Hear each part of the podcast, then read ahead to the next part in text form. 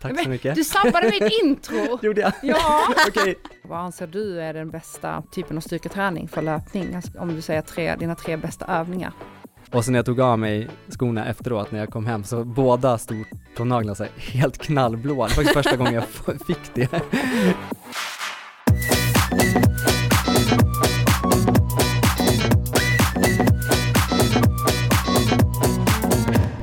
Maja! Halloj! Hej! Hur mår du? Jag mår bra, hur mår du? Bra. Jag känner mig väldigt eh, energifylld idag. Ja, det, du frågade mig innan hur, jag, hur det har gått med mina kristaller. Ja. Eh, Jag har fortfarande inte packat upp dem, men jag ska. Alltså, så besviken. Ja, ja, men jag ska. Eh, idag är ett speciellt avsnitt. Och jag tänker att vi dyker rakt in på det för att vi kommer att prata väldigt mycket och Vi ska ha en löpspecial. ja, Ja. och det är jättemånga som har efterfrågat den här löpspecialen. Det förstår jag. Eh, och eh, dels ska vi prata om din löpsatsning Maja. Mm. Ja, exakt. Det är just därför vi ska prata om den. Eh, och eh, vi ska prata om lite om min löpsatsning. Mm. Men framför allt så ska vi prata om era frågor, era funderingar och eh, hur man tar det här nästa steget från att ha börjat springa. För vi har pratat väldigt mycket om från noll till första steget, hur man liksom kommer ut och börjar. Men nu tänker jag att vi ska levela upp lite. Mm. Vi ska grotta ner oss. Eh, och därför passar det väldigt bra att ha med Simon. Simon? Simon Varmt Forsberg. välkommen. Ja. Tack så mycket. Du sabbade mitt intro! Gjorde jag? Ja, Okej. Rewind. Börja om. men okej. Simon Forsberg, Ja. förutom att du har varit min coach Mm. och du även har varit involverad i vår träningskarriär Ja, Mm. så är du också fantastiskt bra på att springa. Det är du. Vad säger man? Jo. Jo, det är du. Okej, säger jag. Jaha, Okej. Ja. Ja. det är väl ingen nyhet. Jo men, ja jag, jag är hyfsad. Hy, hyfsad på att springa. Mm. Ja.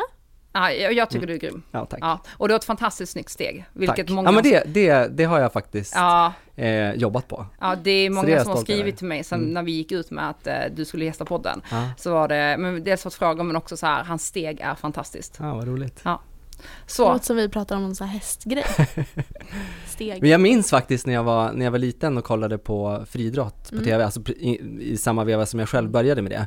Att jag, de som jag eh, fascinerades av var inte nödvändigtvis de som var, de som vann, Mm. utan snarare de som jag tyckte liksom rörde sig estetiskt Mm, snyggt. mm, Så jag tror att det finns, det är lite, jag har en, liksom ett, ett estetiskt intresse Mm. också i, Mm. i övrigt i livet. Jag tror Mm. att det är kanske är det som också har slagit igenom lite i löpning. Mm. Jag tycker det är, det är härligt med fina rörelser. mm. Häftigt.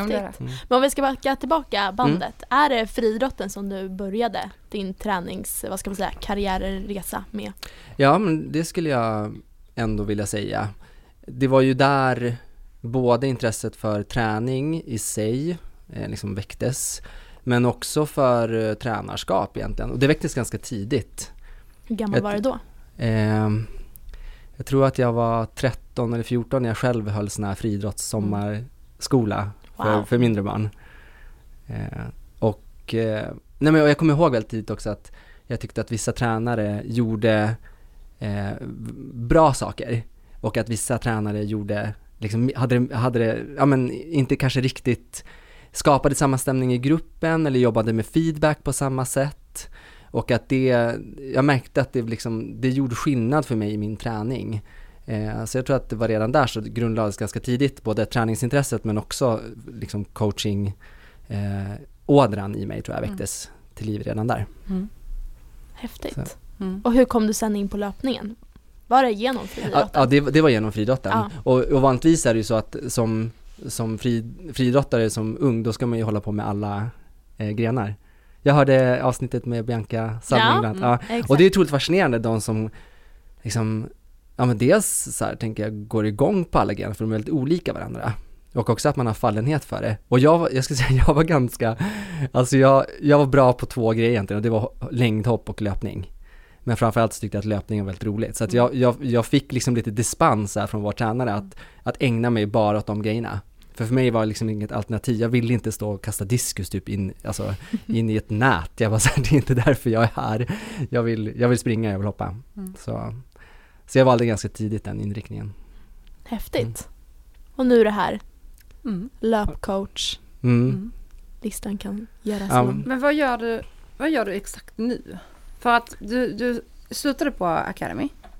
Ja precis, jag, Ja. ja. jag, jag var ju utbildningschef Ja. för The Academy Mm. och Safe Education Mm. då, som är systerbolaget. Och det är via de två vi har gått vår eh, PT-utbildning. Ja, Exakt. precis. Exakt. Stämmer bra. Mm. Mm. Eh, jag slutade där för ett och ett halvt år sedan och gick egentligen tillbaka då till att jobba mer med, eh, ska man säga, med individnivå och själv som, som coach. Eh, nu, jag, jag står egentligen på två ben rent yrkesmässigt. Det ena är inom träning och inom utbildning. Så jag coachar ju och utbildar väldigt mycket fortfarande. Men sen, jag, i grund och botten är jag beteendevetare och jobbar med, med KBT i primärvården. Mm. Eh, Wow. så, att, så den här dagen idag så har jag haft några patienter på förmiddagen Mm.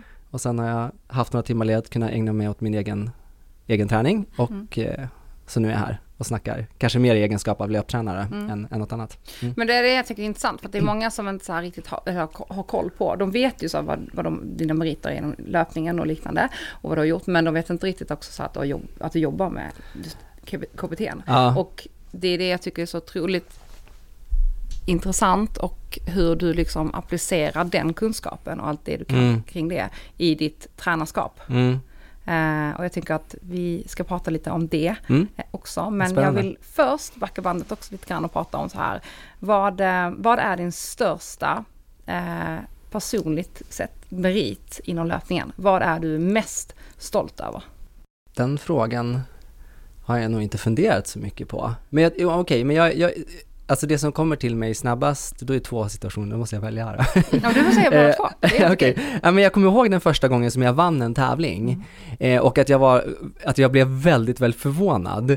För att jag hade, och då, jag tror att det var i 14-15 års åldern. Jag hade liksom aldrig sett mig som en som kunde vinna ett lopp. Jag tror att det här var ett 60 meters lopp eller 200 meters lopp. Eh, och att det liksom förändrade lite synen på mitt, eh, på mitt sportande. Att jag förstod att så här, ja men jag kan ju hålla på med det här, inte bara för att det är kul utan också för att det var väldigt tillfredsställande Mm. att, att, att vinna. Jag tror på den där tävlingen, ena dagen var jag, vann jag, andra dagen var jag tvåa. Mm. Eh, så det, det slog an liksom ännu mer tror jag utav så här tävlingspersonen eh, Simon. Och sen har ju jag hållit på väldigt mycket med löpning och sprungit mycket och sen har jag ju hållit på liksom med, med triathlon på, på hobbynivå men gjorde ju en rejäl satsning för ett par, tre år sedan fram till ett lopp i Barcelona Mm. som jag hade som målsättning två år i rad och inför år två där då så vill jag gärna vara eh, på pallen Mm. och, och det blev jag också. Eller Mm. jag, jag blev trea. Så det var ju en väldigt Wow. så här, en, en häftig upplevelse och också det, det är väldigt coolt att se hur man kan förbättra sig trots att, Mm. att man inte är 25 längre exakt. utan börjar närma sig 40 eller några år kvar men, men, Men jag- liksom fortfarande kan utvecklas jättemycket i simning och cykling och löpning. Det finns hur mycket saker som helst att jobba på. Ja. Och det är ju, Ja, för man är ju aldrig fullärd. nej, Och jag tyckte det var så häftigt så när vi, varje gång vi har pratat och så här, när du har berättat att jag ska tävla och så här. Och jag bara, men eh, vad siktar du på? Du bara, men pall. Alltså du är alltid så otroligt knivskarp när Mm. du säger, ja men jag ska göra det här, eller jag, jag satsar på det, eller jag satsar Mm. på den tiden. Du liksom, du har det, du Mm. vet vad du ska göra. Och, och så gör du träningen inför. Ja. Jo men det, där, det är intressant att du säger det för att jag eh, har i regel ganska svårt för att fokusera på flera, till exempel flera lopp samtidigt under en Mm. säsong. Mm. Jag är väldigt mycket så här kanaliserar allting till ett och samma tillfälle. Mm. Eh, och jag tror att, jag vet inte riktigt varför det är så, men jag trivs med det. Mm. Men då blir det också att jag, jag kan liksom visualisera, visualisera precis det loppet eller den banan och det Mm. driver mig liksom i träningen. Mm. Idag när jag satt på, på, på cykeln och körde liksom väldigt tuffa intervaller så ser jag liksom det framför mig. Jag Mm. bara okej nu är den här rakan Mm. som jag, Mm. Mm. som jag kommer göra typ om ett år då Mm. förhoppningsvis. Mm. Mm. Och förhoppningsvis göra lite bättre tider och, och Ja. bättre, kanske bättre placering också. Mm. Men det har man ju många gånger hört är ett vinnande koncept att så här, äh, verkligen visualisera det här framför en. Ehm, inte bara med så här, träningsrelaterade grejer utan även så här, saker i Mm. livet. Mm. Ja men definitivt. Eftersom att det blir en annan morot och det blir mer verkligt och Mm. det blir så kristallklart vad man ska sträva mot. Mm. Coolt. Precis. Vi har ju väldigt många eh, av våra lyssnare som men springer. Mm. Eh, vi, det är ju liksom, många av våra lyssnare, men de springer men håller på också väldigt mycket med styrketräning, crossfit. Eh, och sen så har vi må väldigt många som så här, men tränar lite då och då. Så det är en Mm. väldigt spridd målgrupp vi har. Mm. Men de som springer eh, och har kommit över det här första steget som jag pratade om innan, att de har börjat springa. De är liksom inne nu på så här att ni får väldigt mycket frågor kring det, hur man, hur man tar nästa steg. Mm. Hur man ska tänka när man så har kommit fram till att okej, eh, jag springer nu och jag har liksom sprungit en femma, jag har sprungit 10 kilometer, det känns bra, eh, jag kommer ut och springer, det känns inte längre jobbigt eller som att, alltså att det kommer alltid vara jobbigt att springa, men du förstår vad jag menar, att det känns inte längre så att, så att du måste övertala mig tvinga mig själv att komma ut, utan Nej. jag har en bra vana nu, det känns bra. Eh, och så har jag kommit till sans med att så här, men jag vill bli bättre på löpningen. Mm. Eh, hur ska man rent med mindset eh, liksom, tänka där? Hur, vad, är det första, liksom, vad är det första man ska liksom, börja, börja med? Ja, men jag, jag kommer tillbaka till det Ja. som Maja sa nu, Ja. alltså apropå det här med mål. Ja, För att få den frågan som tränare också, det, Mm. det, så här, det tråkiga svaret på det där kommer ju vara så här, det beror på. Alltså Ja, min input kommer att bero på vem det är som vi pratar om och framförallt vad den här personen då, eller du som lyssnar, vad du har för Mm. målsättning. Mm. Så att, och sen kan ju, kan det vara ett, ett, ett mer utav kanske upplevelsemål eller ett processmål, typ jag vill träna löpning regelbundet och jag vill känna att jag blir starkare eller kanske kunna mäta att jag blir snabbare. Mm. Okej, det är ju det ger ju oss ju mycket mer eh, friheter att leka med olika Mm. typer av pass eh, och ta in väldigt många olika moment i Mm. träningen. Mm. Eh, och målet är lite mer eh, kanske avgränsat, att om jag vill springa ett millopp eller kanske till och med jag vill springa en halvmaraton nästa, till våren eller till sommaren, då blir man ju lite mer styrd utav det målet Ja. i, okej vad är nästa steg? Men generellt sett, så- alltså jag, jag får ju de här frågorna av mina eh, klienter, eh, eller de som är på väg att bli mina klienter, och också ibland från vänner och familj. Och det är ju svårt med de här universella råden, eh, utan för att där finns det också flera rätt, Mm. skulle man kunna säga. Mm. Så att jag kan inte svara, jag skulle vilja att vi konkretiserar kanske frågeställningen och tar några olika personas då, Mm. Mm. för vad som skulle kunna vara ett bra Mm. nästa steg. Nej men kanske bara börja med att nästan landa i så här, vad är ens varför? Ja. Att man Ja. verkligen eh, betonar det Mm. och hittar det, Mm. grottar Mm. ner i det. Exakt. Varför vill jag göra det här?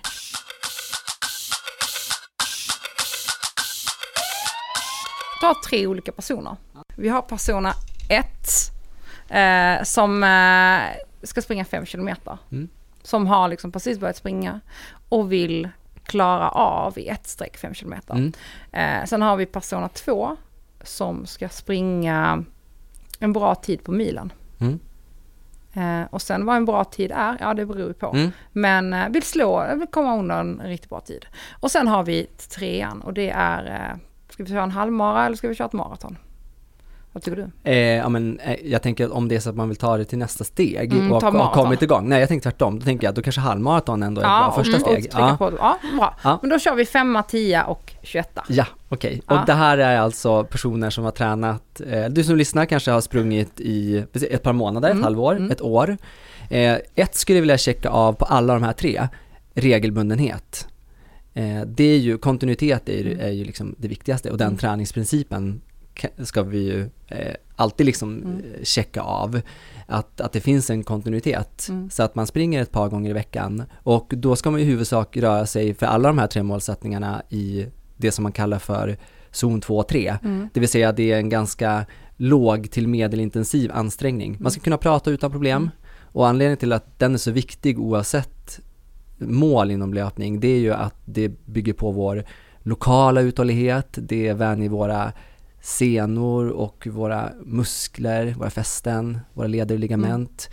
Så att det är ju det viktigaste att man under en lite längre tid, alltså vill säga x antal månader har sprungit regelbundet. Mm. Två till tre gånger i veckan. Mm. Och när man har gjort det, då tänker jag att då kan man liksom eh, levla upp och lägga in lite olika eh, ja, men, ingredienser då, i, Mm. i träningen. Mm.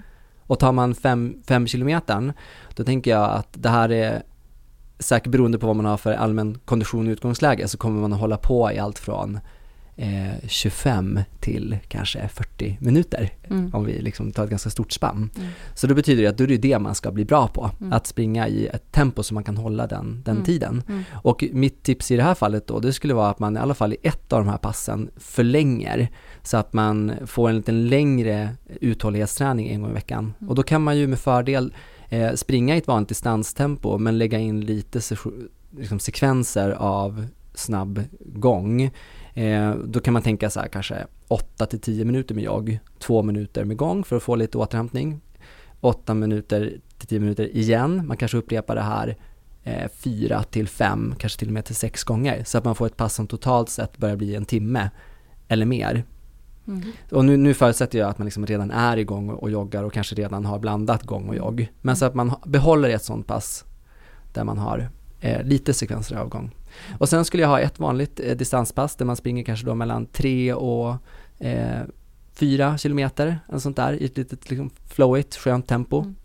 Eh, och den kan man ju, tänker jag då med fördel, kanske göra i samband med annan träning. Mm. Det vill säga man kan styrketräna före eller efter eh, om man vill liksom komplettera det passet med lite mer.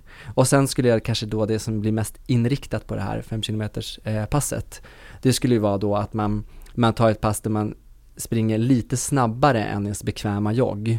Det vill säga att man börjar känna att så här, här finns det en begränsning, jag kan inte hålla på hur länge som helst i det här. För då börjar vi närma oss, tänker jag, det tempot som kommer krävas vid 5 km. Mm. Eh, och då kan man dela upp det i lite, på ett lite annat sätt än det här långa passet. Kanske 5 till, eh, 5 till 6 minuters liksom, löpning då, kanske vi ska kalla det. Och eh, en till två minuter utav joggvila, inte någon gång. Och så på't igen. Och det passet kan vara mellan 30 och 40 minuter långt. Mm. Så skulle jag tänka. Mm. Jättebra. Så Mm. ett lite längre, eh, ett eh, eh, liksom kontinuerligt kortare distanspass och ett lite snabbare löpning då. Mm. Men det får inte vara så snabbt så att man eh, till exempel då känner, får en impuls typ att jag måste börja gå eller slå av på Mm. farten innan de här 5-6 minuterna har liksom löpt ut. Mm. Det ska ändå vara kontrollerat. Mm. Mm. Så ska jag säga, Mm. Snyggt. för 5 Mm. kilometer. Mm. På 50 meter. Frågor på det? Nej, men jag för tycker det- komplext? ja. Verkligen, Ja. jättebra. Ja. Milen då? Milen. Här har vi, men tänk på att här har vi en person som Mm. har sprungit milen ett par gånger. Ja, okej. Eh, och eh, vill, men låt oss säga att vill ner, vi säger så här, under 50. Under 50. Ja, Ja, och personen kanske idag gör, vad ska vi säga, 50, fem. 55? Det är, ja. ja, okej, det är ett stort spann, fem minuter. Men, Ja, eh, ja, men säg, hon vill ko- komma till 50, hon Ja. kör 55 idag. Men då kan vi ju börja med att prata lite grann om tröskel. Mm. För att eh, tröskelträning blir väldigt relevant när vi pratar om milenlöpning.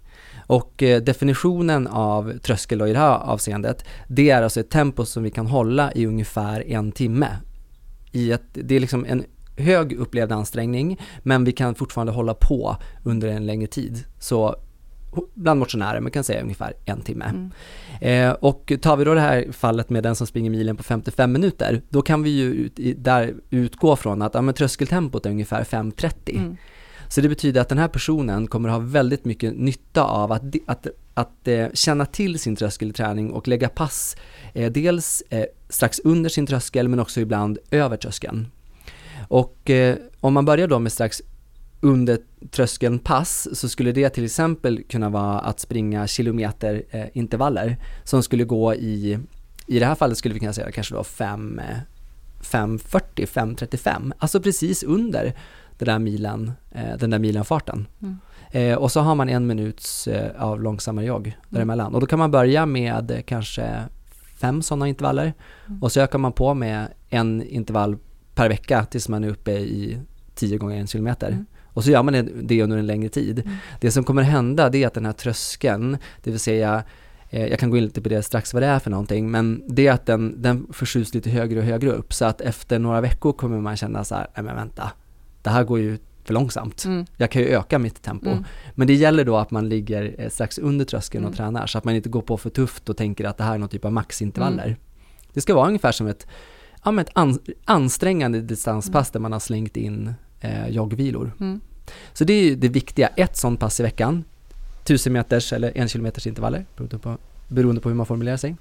Ehm, och sen så skulle man ju behöva också för att öka eh, maxkapaciteten hos den här personen tänker jag att man lägger in lite längre intervaller där man ligger över tröskeln. Och då behöver vi komma ihåg att om man bara skulle prata utifrån ett så här fys- cirkulationsfysiologiskt perspektiv så har vi ju egentligen störst effekt om man bara skulle köra typ allt man hade. Mm. Så här, då får du en väldigt bra utveckling Mm. som man säger både på central nivå, hjärta, eh, mellannivån, blodet, lokal nivå, musklernas uthållighet. Men vi har ju också våra arma, armar och ben, nej våra ben ska jag säga, som ju lätt drar på sig överbelastningar i löpning. Så att man har inte så jättestor vinst över tid att eh, köra, att gå nu från den här nivån eh, att, eh, som vi tänker att personen är på till att börja springa en liksom maxade intervaller. Det är smartare att i det här fallet kanske lägga sig på 5.15 i tempo. Alltså lite snabbare än ens befintliga milen tempo. Mm. Och att springa till exempel en och en halv eller två kilometers intervaller. Mm. Så att, eh, och det, då kanske man som max orkar eh, ja, men tre till fyra intervaller. Mm. Men det kommer bli ett pass som totalt sett med upp och nedvarvning kanske är 8-10 kilometer långt och då har man under stor del av passet sprungit snabbare än ens befintliga eller nuvarande miltempo. Det, det passet brukar jag springa antingen härifrån hem Ja, eller hemifrån hit. ja, För det är ungefär 10. ja, Eh, och då gör jag två kilometers intervaller. Ja. det är kanon. Så det, det är det jag ska springa hem idag. Ja. Så jag körde det igår kväll, Mm. stod jag på ett löpband och, och eh, utmanade mig själv och sprang då snabbare än mil, milen tempo. Jag skulle säga i, i mitt fall då kanske ungefär var i det tempot jag klarade på 5 km och körde 1,6 km intervaller, Mm. fyra stycken, Mm. med en minuts joggvila. Mm. Och då är man rätt nöjd efteråt. Ja, ja, ja. jag. Ja, det utmanar en Mm. otroligt Ja. bra. Bättre att göra så än att ställa sig på löpbandet och köra två minuters intervaller i Mm. något, något sånt här eh, fantasitempo. Mm. För att risken med det, det är att det inte blir hållbart över tid. Typ Nej. att man drar på sig en, en skada eller att det blir mentalt motigt så att eh, man inte upprätthåller den vanan Mm. över tid. För att Mm. de här passen behöver man göra liksom kontinuerligt över tid. Mm. Mm. Sen utöver det, eh, distansträning. Mm. Mm. Snyggt. Och sen har vi för, för halvmaran skulle jag säga att det är, det är egentligen samma typ av träning som för, för milen men man behöver fokusera lite mer på längre distansträning. Mm. Så man kanske kan köra det här tusen, eh, 10 gånger tusen en gång i veckan. Mm. Nej, man, eller man trappar ju upp till det. Eh, och så kan man köra det här eh, med liksom överfart, Mm. kanske varannan vecka, Mm. till förmån för att få in ännu mer lugn distansträning. Mm. Och jobba på att passen successivt blir längre och längre. Mm. Men inte ta några sådana jätteskutt från en vecka till en annan, utan att fortsätta och öka i lugnt tempo. Mm. Det gjorde jag. Det gjorde du. Mm, vad 0 bra. till 100. Gjorde du? Ja. Gick, Gick det på halvmaran direkt. Ja, Det gick ändå bra. ja. Jag hade fått eh, expertishjälp att jag skulle dra ner på tempot. Jag gjorde det. Det gick Ja. jättebra. Men fortfarande nageltrång sen i april är Ja, vi men- nu. Ringde Kry förra veckan och bara det tar ett år innan det går bort. Jag sa ah, okej. Ja, precis. det är det att vi har ju de här, liksom, ja, Ja. det handlar om mer än bara hjärtat och konditionen. Ja. Utan det jag, jag sprang själv ett millopp i Stockholm för några veckor sedan och sprang med ett par nya eh, skor. Och sen när jag tog av mig skorna efteråt när jag kom hem så båda stortånaglarna så här helt knallblå. Det var faktiskt första gången jag fick det. Men jag tänkte så här, jag tyckte att det gjorde lite ont eh, i slutet av, av loppet. Och då, det här är ju apropå att inte lära, leva som man lär då. Nej. Alltså man ska inte springa ett, ett lopp i ett par nya skor, men jag var så taggad på dem. Så jag tog dem. Vad var det för skor? Ja, det här är en bra fråga. Det här är, det är ett par Nike kolfiberskor. Men jag är så dålig på de här namnen. Jag är allmänt väldigt... Är det alfan eller vaporn? Eh, det är den som har sån här, eh, vad ska man säga, snör, den har en typ eh, snabbsnörning. Vet du vilken? Ja, Vilken men frågan är om det är... ehm, är det den nya? Den heter Tempo, något Ja, med ja, ja. Tempo Zoom. Tempo Zoom, ja. Ja, ja, ja. Ja, Mm, nice. Ah, Vad tyckte du om skon? Nej men de är grymma. Ja. Ja, men jag tror att jag måste springa in dem lite. Ja. Såklart. Men eh, ja, det, ja det, är- det är skillnad, är det. Ja, det är faktiskt det. Och återhämtningen är Mm, annorlunda, mm, eller bättre, tycker jag.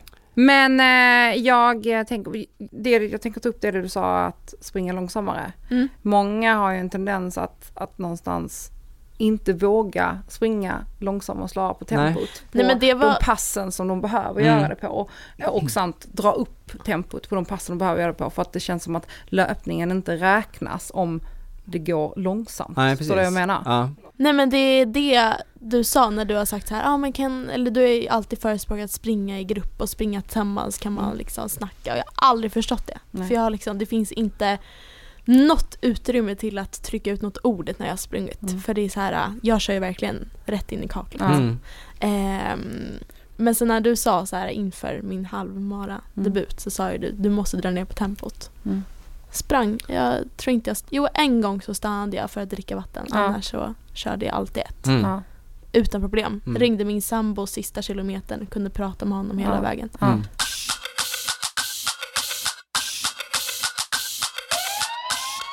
Men, men om vi tar det här med, med tröskel då? Ska vi, ska vi prata ja, lite vi måste, mer om det? Vi måste gå in Ja. på tröskel för Mm. att det, det är många frågor så jag tänker vi Ja. väver in det och kör Ja, tröskel. för jag tänker apropå det här med varför det är viktigt att eh, springa i vissa tempon.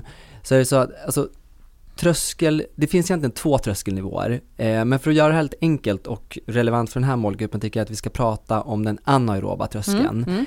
Den här anaeroba tröskeln, den infinner sig på individnivå kan det vara, eller liksom på, på, om vi kollar på gruppnivå, allt från 65% av ens maxpuls upp till liksom 95 eller ännu högre procent av, av maxpulsen.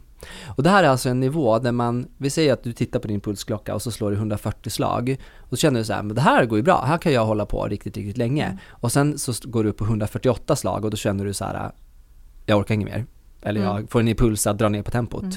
Då har du gått över din tröskel. Mm. Det vill säga då har du börjat, då har kroppen eh, börjat egentligen producera mjölksyra som en biprodukt för att den inte riktigt hinner syresätta så mycket som den skulle behöva. Mm. Och när man hamnar på den eh, nivån, då gör det att då kan vi inte hålla på lika länge i vår träning. Så det är ett väldigt ineffektivt sätt att träna ut sin grundläggande uthållighet och uthållighet för längre sträckor. Att ligga liksom nära sin tröskel och absolut inte över.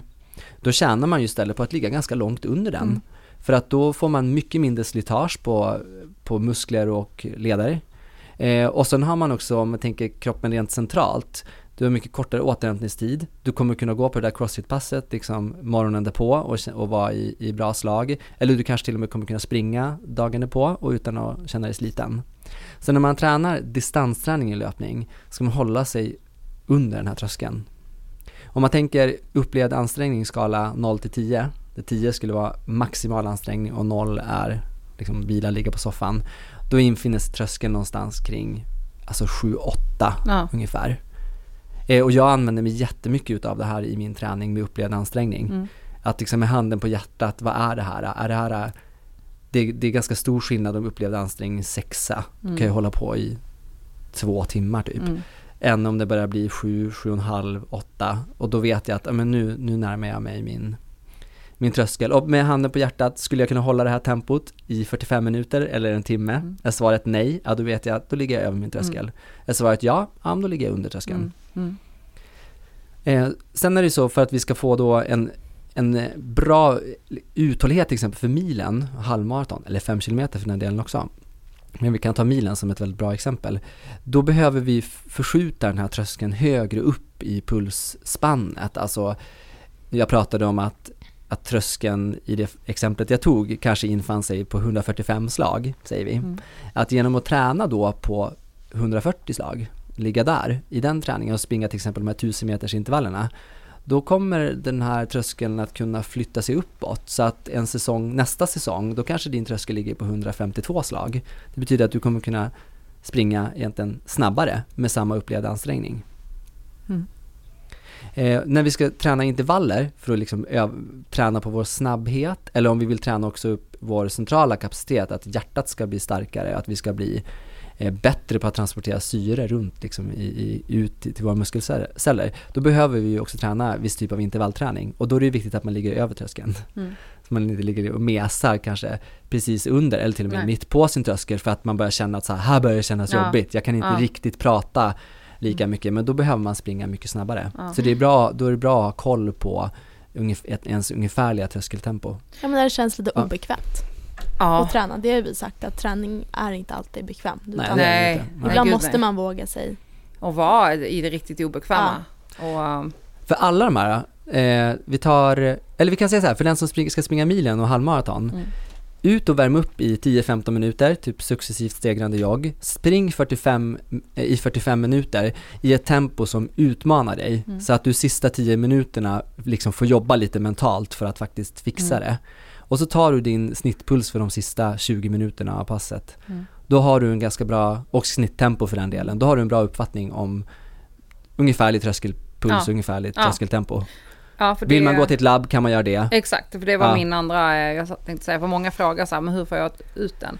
Och hur kan jag räkna ut? Det finns ju olika formler, man kan räkna ut det. Mm. Eh, och man kan göra så. Och sen så vill man ha det så här exakt och då tänker jag för många som verkligen känner som nu att så, men jag kommer levela upp min löpning ännu Mm. mer. Gå då till ett labb, gör ett VO2 max-test, gå och gör eh, laktattest till exempel. Mm. Eh, jag har faktiskt, jag ska göra nu på fredag. Ja, Är okej. det sant? Ja, jag älskar det. Det det var länge sedan jag gjorde det nu.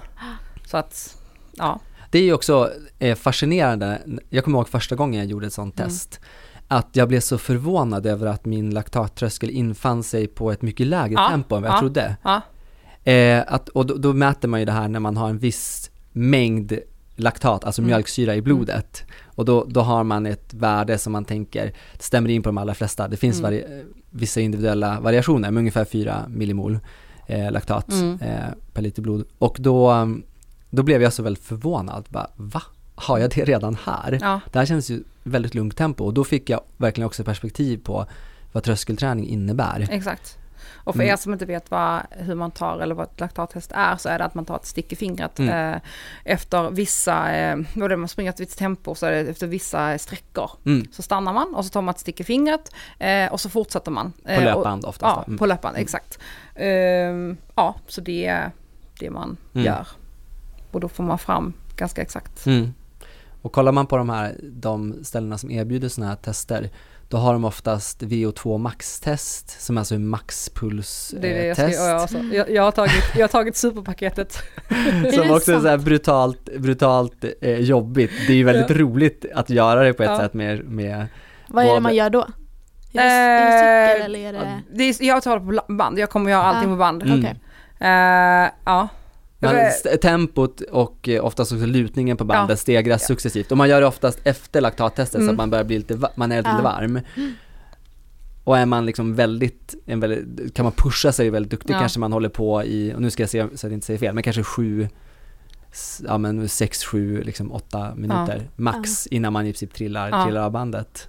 Nej, Jag kommer bara ihåg att jag gjort så maxpulstest på PT-utbildningen. Ja. Då körde vi såna här, vad heter det, norska intervaller. Mm. Ja, fyra gånger fyra. Exakt. Eh, då kom jag upp i 2.03. Mm. Mm. Men jag kände fortfarande att jag hade pyttelite mer att ge. Ja, okej.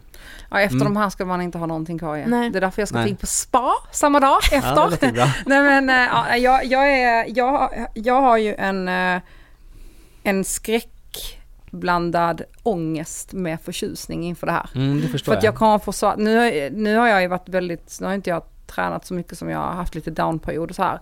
Men eh, jag, eh, så man kommer verkligen få svart på vitt. Man har ju, jag, jag har ju ofta stått med lite hybris också tycker jag så, men fan nu går det bra, fan det här känns bra, jag är fan där. Och då Ja. kommer jag verkligen få svart på vitt att den här hybrisen bara, nej Johanna. Eh, Eller så får du ännu mer hybris, jag Ja, vet. ja men, men sen också så här verkligen, för då finns det på papper och då, nu vet jag verkligen vad som behöver göras Mm. eh, inför, jag ska springa Paris Marathon. Det. Eh, och sen så någonting i februari och då kommer jag verkligen få bara att det här, okej, det Mm. här är vad jag behöver göra. Mm. Och då känns det verkligen så verkligt. Mm. Eh, Men det är ju lite mental Ja, träning skulle man Ja. kunna säga egentligen, att gå igenom den processen och Ja. göra sådana här tester. Och kanske också få facea mm, eh, den lite mer objektiva Mm, verkligheten. mm, att ja, mm. men så här mycket har hänt sedan jag gjorde testet sist, eller så här, det här är mitt tröskeltempo, så Mm. får man förhålla sig Mm, till det. mm, Men det är ju bra, för risken annars är ju bara att man, att man tränar utifrån antaganden exakt. och så blir det inte lika effektivt. Men jag skulle vilja säga, om man är sugen på det här med att, att göra ett test på labb och behöver kanske prioritera, dels för att det Mm. kan kosta lite pengar Mm. med de olika, olika paketen, då är tröskeltest att föredra. Ja, Om jag ska börja coacha någon så är det det som jag Mm. är framförallt är Mm. intresserad eh, av. mm, Det, det är det värdet som vi förhåller oss mest till när vi Mm. träningsplanerar Mm. och som löptränare. Mm. Mm, Ja. Får se om jag gör det någon dag. Ja, men det är kul, det är kul med siffror. Nej. Ja, men det, Eller jag blir så här, oh, nej men det är, ja, det, jag, jag tror att jag skulle få prestationsångest inför ett sånt test. Ja, alltså man vill ju vara bra. Man vill ju någonstans komma dit och göra bra ifrån sig. Men så glömmer man bort att man är ju där för att kunna göra bra ifrån sig sen. Man är ju någonstans där, det här är ju ett hjälpmedel för att bli, man ska ju inte topprestera på test. Alltså det är inte det det är till för. Mm. Ja, Nej, det, alltså gå dit och, och gör ditt bästa. Ja. Och jag tänker också att du som har gjort sådana här tester tidigare, det Mm. är inte väldigt eh, kan, ja, men intressant att plocka fram de gamla testresultaten och jo. också kanske några år tillbaka. mm. Ja men jag vet, Eh, jag har... också, jag eh, tänker på dem, det som du Mm, visade mig mm. innan vi började träna, när, då hade du också gjort eh, en testomgång om, om Mm. jag inte minns fel. Gå tillbaka och kolla på dem, Ja, då tror jag att du kommer att se en ganska stor skillnad. ja, Mm. ja. Spännande. Det Ja. får vi göra follow-up på. Ja, Mm. det får vi göra. Mm. Det ska bli roligt. Eh, jag har, eh, jag tänkte läsa den här för det passar väldigt bra i det vi eh, pratar om här. Eh, Hej bästa podden, bästa kombon. ja. Jag undrar om ni snälla kan ta upp det här med ämnet puls. Jag har sprungit många år, vanlig motionär som har sprungit allt ifrån 5 till 30 kilometer. Inte överdrivet snabbt men hade i våras VO2 max 50. Så jag ändå tränad enligt mig själv. Hade uppehåll i två månader över sommaren och sen i augusti inte tagit mig tillbaka. Jag tränar bodypump och blandade pass tre gånger i veckan och springer en till två gånger i veckan. Eller ja, jag försöker. Men när jag springer får jag i snitt på över 180. Jag kom upp i röd zon 190 inom fem minuter där jag kan ligga hela passet. Jag springer då nästan sju minuter per kilometer i tempo, eh, vilket är väldigt långsamt för mig. Och det känns inte bra och jag vet inte vad jag gör för fel. Jag vet att det är avvikande då jag i svåra sprang 5 till 5.20 tempo med snitt på 165. Jag stannar, joggar, pausar, men så fort jag börjar jogga igen så springer pulsen upp. Jag får sjuk ångest inför varje joggpass som brukar ge mig adrenalin. Hög puls, tung andning, svårt att andas, lika med ångest. Snälla, snälla, hur ska jag göra? Och tack snälla för bästa podden. Mm. Jag har sparat den här frågan eh, specie- speciellt för det här avsnittet. Mm. Ja men vad, vad, vad bra att den här personen ställer frågan i något forum. För Ja. att som jag förstår det så har det ju blivit en skillnad Mm. i att pulsen är högre och tempot Mm. har gått ner. Och jag tror inte att det kan förklaras av två månaders eh, uppehåll. Nej. I och med att den här personen verkar vara så fysiskt aktiv liksom överlag. Mm. Eh, mitt svar kanske inte blir jätteroligt och utvecklande, utan, eller utvecklat. Snarare så här, jag skulle nog vilja att den, den här personen gick till sin husläkare Mm. och tog ett, ja, de relevanta proverna och kanske Mm. arbets-EKG och så. Mm. För att se så att, att allting står rätt Mm. till. Och det är inte för att väcka någon oro utan mer att det kan ju vara någon hormonell förändring Mm. eller någonting som går rätt och, och Mm. liksom lätt att komma till rätta med. Mm. För att det, det men, men sen skulle jag också vilja säga att det här med 180 eller 190 i puls, det kan ju låta väldigt, väldigt högt. Jag tänker som på dig Maja, du har en maxpuls på 203. Ja men 190 kommer sannolikt kännas väldigt jobbigt. Men den individuella variationen i, i maxpuls är väldigt, väldigt stor. Man brukar säga att eh, det, det är en, en formel som man kan använda i 220 minus eh, sin ålder. Mm. Eh, problemet med den på individnivå, det är att det kan uppvika, alltså extremvärden kan, liksom upp, det kan avvika med upp till 25 slag. I statistiska termer, man säger, som man brukar kalla för standardavvikelse, alltså i snitt, så avviker vi ungefär med 10-12 slag ifrån den, om vi använder den formen. Mm. Så det här kan ju vara en person som också har, som har 220 i Ja. maxpuls. Ja. Och då sätts ju 180 i ett annat ljus också. Ja. Då är inte det så vansinnigt högt Nej, faktiskt. Det är ju ingen zon 5. Nej, det är det ju inte. Nej. Men kan vara Utan för då- vissa. Ja. Och, då, och då kan man tänka, ja men då, då låter det som att det skulle kunna förklaras av att hon har haft ett uppehåll. Mm. Men jag förstod det som att hon sprang i 7 tempo nu och Mm. hade så hög Mm. puls Mm. och hon har kunnat springa i 5.20 tempo. Så det låter som att, eh, att det ändå är läge att kolla, Mm. kolla upp det här så att allt står rätt Mm. till med. Mm. Ja för det vet man ju Ja. själv bara man åker på någon förkylning eller någonting så här dagarna innan att pulsen Mm. bara rusar iväg Precis. för minsta lilla. Ja, och sen så tror jag också, det behöver inte vara så här i det här fallet, men att det också kan rusa, eh, att man får adrenalinpåslag innan är ju att man spänner sig så mycket och man får just den här hjärtklappningen, ångesten för man vet vad som väntar. För att man är så otroligt rädd för att, nej men nu kommer den rusa igen, nu, jag kommer vara dålig. Mm. Och det kan ju också vara någonstans att man får en lite högre Mm. puls. Men, Ja, precis. Det här tangerar ju mitt andra område. där. Jag Ja. behandlar ju panikångest och ångest eh, Ja. typ fem dagar i veckan. Ja. Eh, ja, Det skulle kunna Kan vara så. så? Å andra sidan, så fysisk aktivitet, absolut, och hö, hög puls, Mm. det kan ju trigga sådana liksom, tolkningar av att Mm. någonting är fel Mm. som i sig så här, eh, vad ska man säga, som, som i sig triggar en ännu mer Mm. liksom, räds, rädslorespons som gör att man får ännu mer fysiska symptom. Och då kanske, alltså det vill säga, oj nej, jag har hög puls Mm. och så blir man rädd och då får man ännu högre Mm. puls. Mm. Men det, låt, det brukar neutraliseras ganska Mm. bra när man är fysiskt aktiv. Mm. Så att jag menar, kvarstår det här trots att hon har varit igång och Mm. joggat i en kvart, 20 minuter, då, Mm. då tror jag att det är mer sannolikt att, Mm. att det är något annat än att Mm. det skulle vara stresspåslaget. Mm. Det borde liksom neutraliseras tänker jag av. Mm. För kroppen förbränner ju stresshormoner när vi Mm. kommer igång och tränar. Mm. Mm.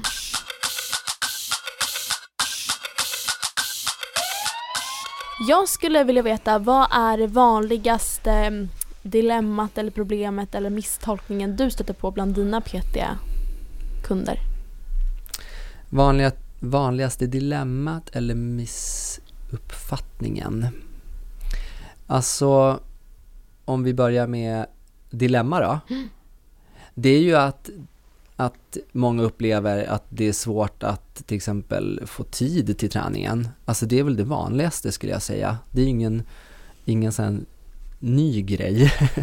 Men det tror jag de flesta kan känna igen sig i att det kan vara utmanande. Men det som jag tänker att man ska komma ihåg då, det är, ju, det är att det är ju hållbarheten i sina löpträningsvanor över tid som är det vik- viktiga. Så det gör inte så mycket om man ena veckan bara skulle få ett pass och så nästa vecka kanske man har möjlighet att träna mer eller få in mer, fler olika typer av pass. Så att liksom inte, vill man bli bättre på löpning behöver inte det betyda att man varje vecka behöver träna till exempel de här passtyperna som jag föreslog eller lika mycket varje vecka för att utvecklas utan se det istället över tid. Mm. Ehm, och, och, så att det kan ju vara, kan ju ställa till det lite grann för en tänker jag i ens vardag om man blir stressad över att, ja men man kanske sätter upp ett mål nu att jag vill bli bättre på att springa och springa ett lopp nästa sommar. Alltså det gör ingenting om det är en vecka i december utan löpning. Mm. Utan fokusera på liksom den här långa li- linjen liksom över Mm. tid.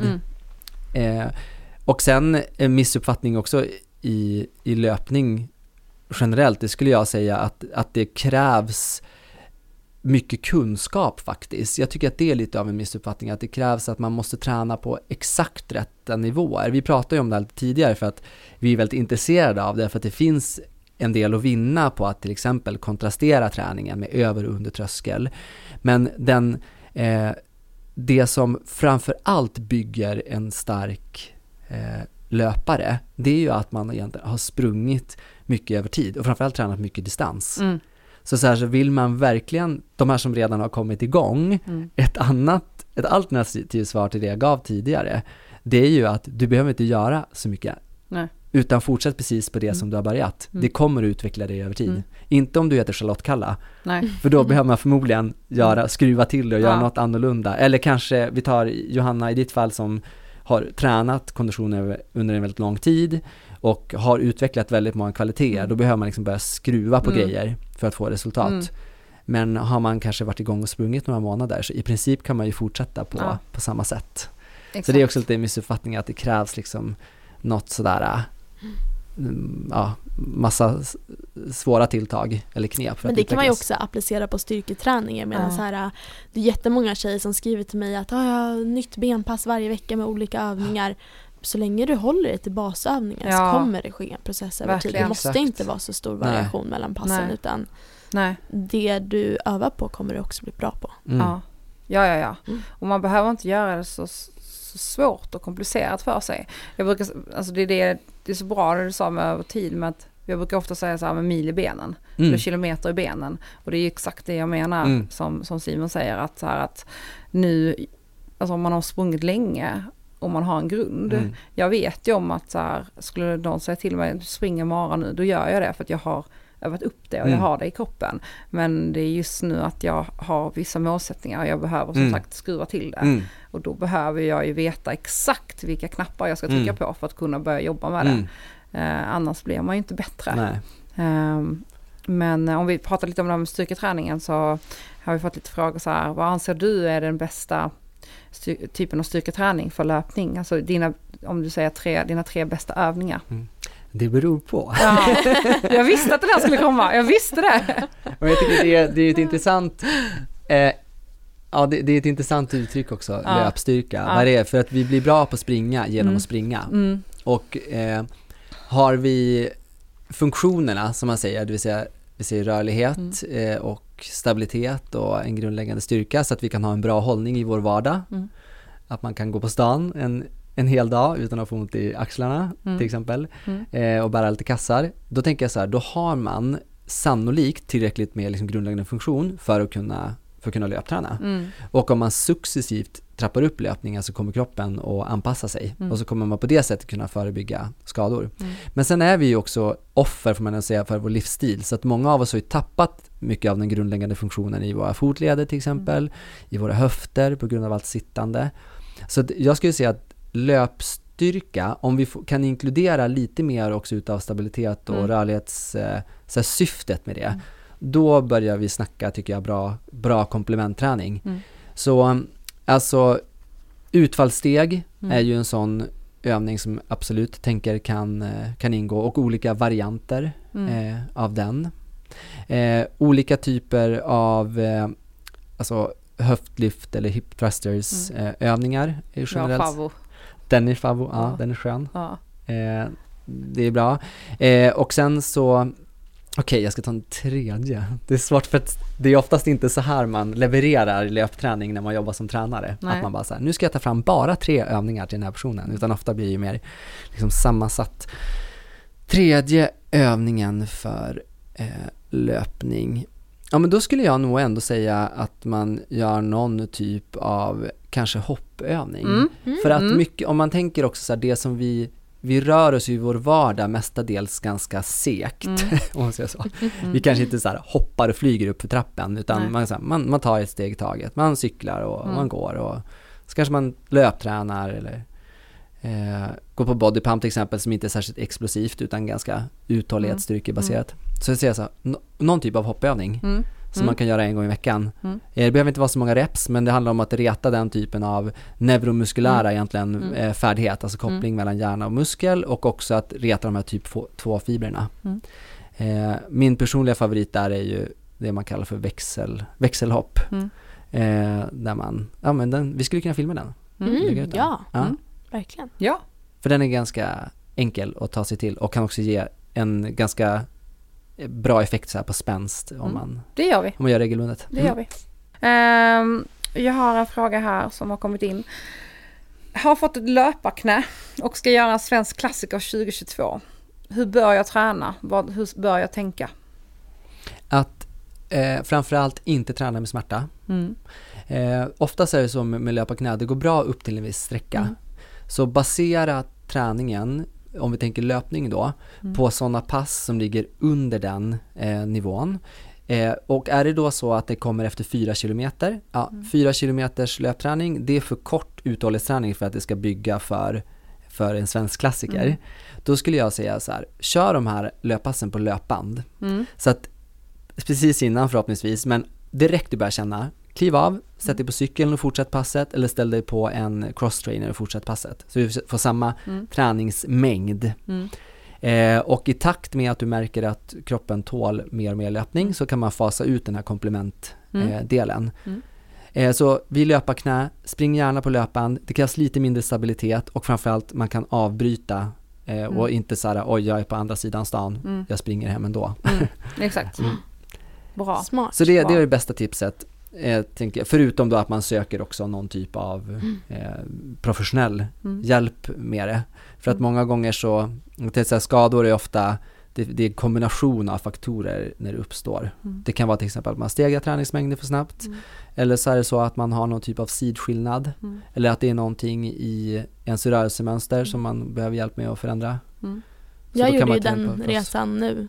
Så coolt att se hur man rör sig och den skillnaden och få tänka om i träningen Mm. och alla så här um, baslyft och sånt Ja. blir helt annat. Tänker du Mm. i, i takt med att du gick PT-utbildningen? Nej, utan ja, jag har löparknän och jag hade haft Ah, det som ett okej. återkommande problem under, ja, men nu är det väl kanske åtta års tid. Okej, Och så fick jag det nu igen Och bestämde mig då för att alltså, söka hjälp hos kiropraktor som då verkligen gjorde en hel analys Mm. och kollade.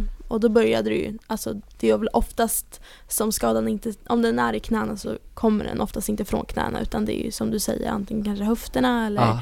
eh, fötterna eller så, här, så att hon gick verkligen igenom det Mm. och såg eh, också hur jag rörde mig. Mm. Och då rörde jag mig väldigt så här, äh, inte, vad ska man säga, vad heter det, horry, Horisontellt? ja nej, utan jag gjorde lite så här, Lateralt eller vad? ja, Ja. från sidan. Ja, okej. Mm. Om jag skulle ut steg så liksom Ja. öppnade upp höften istället för att ha parallella höftben. Ja, okej. liksom Okej.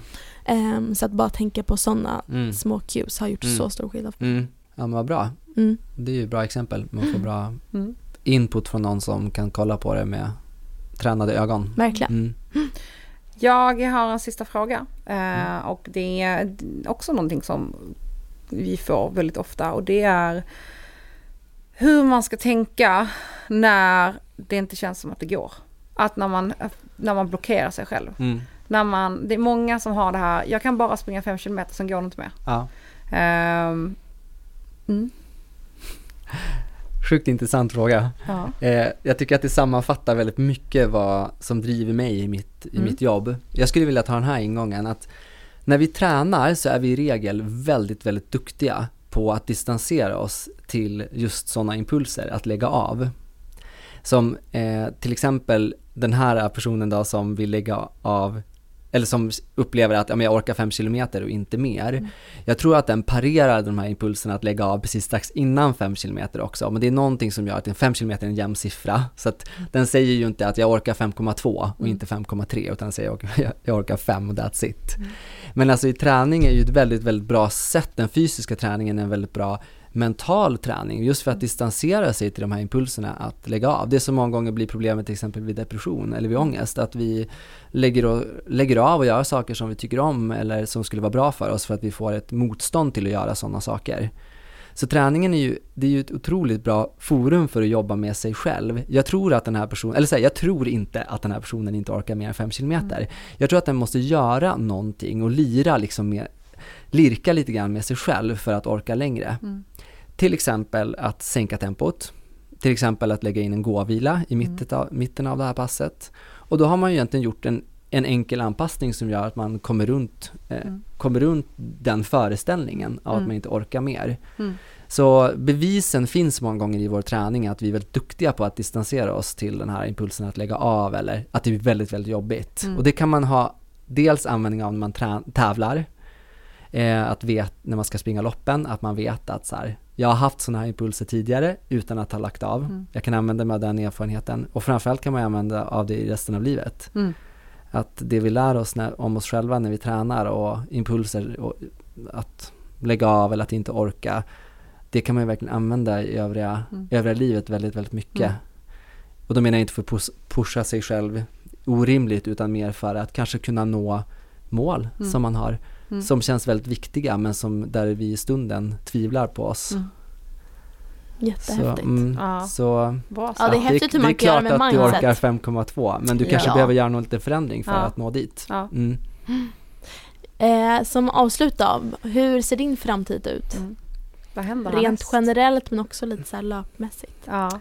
Eh, om man ser till min träning just nu så är jag i en sån här grundträningsperiod. Så jag har min första vecka nu med ganska mycket träning, eller ti- tio timmar ungefär. Det är ganska mycket för mig i alla fall när jag ska hinna med att jobba och Ja. andra saker i livet. Eh, och så löper det på med sån tre veckors peri- periodisering som det kallas, var tredje Mm. vecka är lite lugnare. Men egentligen hela vägen fram till, till våren. Det är nästan 20 veckor nu innan jag ska springa något. Vad, när Något har du ditt första lopp? Jag tänkte springa premiärmilen som en sån liten kick-off för våren i mars. Just det, den har jag kollat på. Ja, Ja. Men sen så tänkte jag Stockholm, eh, Stockholm triathlon och Ja. sannolikt Barcelona triathlon. Ehm, det är det som hägrar nästa höst, så jag har verkligen siktet inställt på, på det. Wow. Så Häftigt. roligt. Mm. Så Mm. roligt. Jag tycker det är jätteroligt att följa din träning. Ja, vad kul. Ja, du, skriver Detsamma. väldigt, du skriver väldigt bra om det. Eh, roligt. ja, det, är- det är väldigt...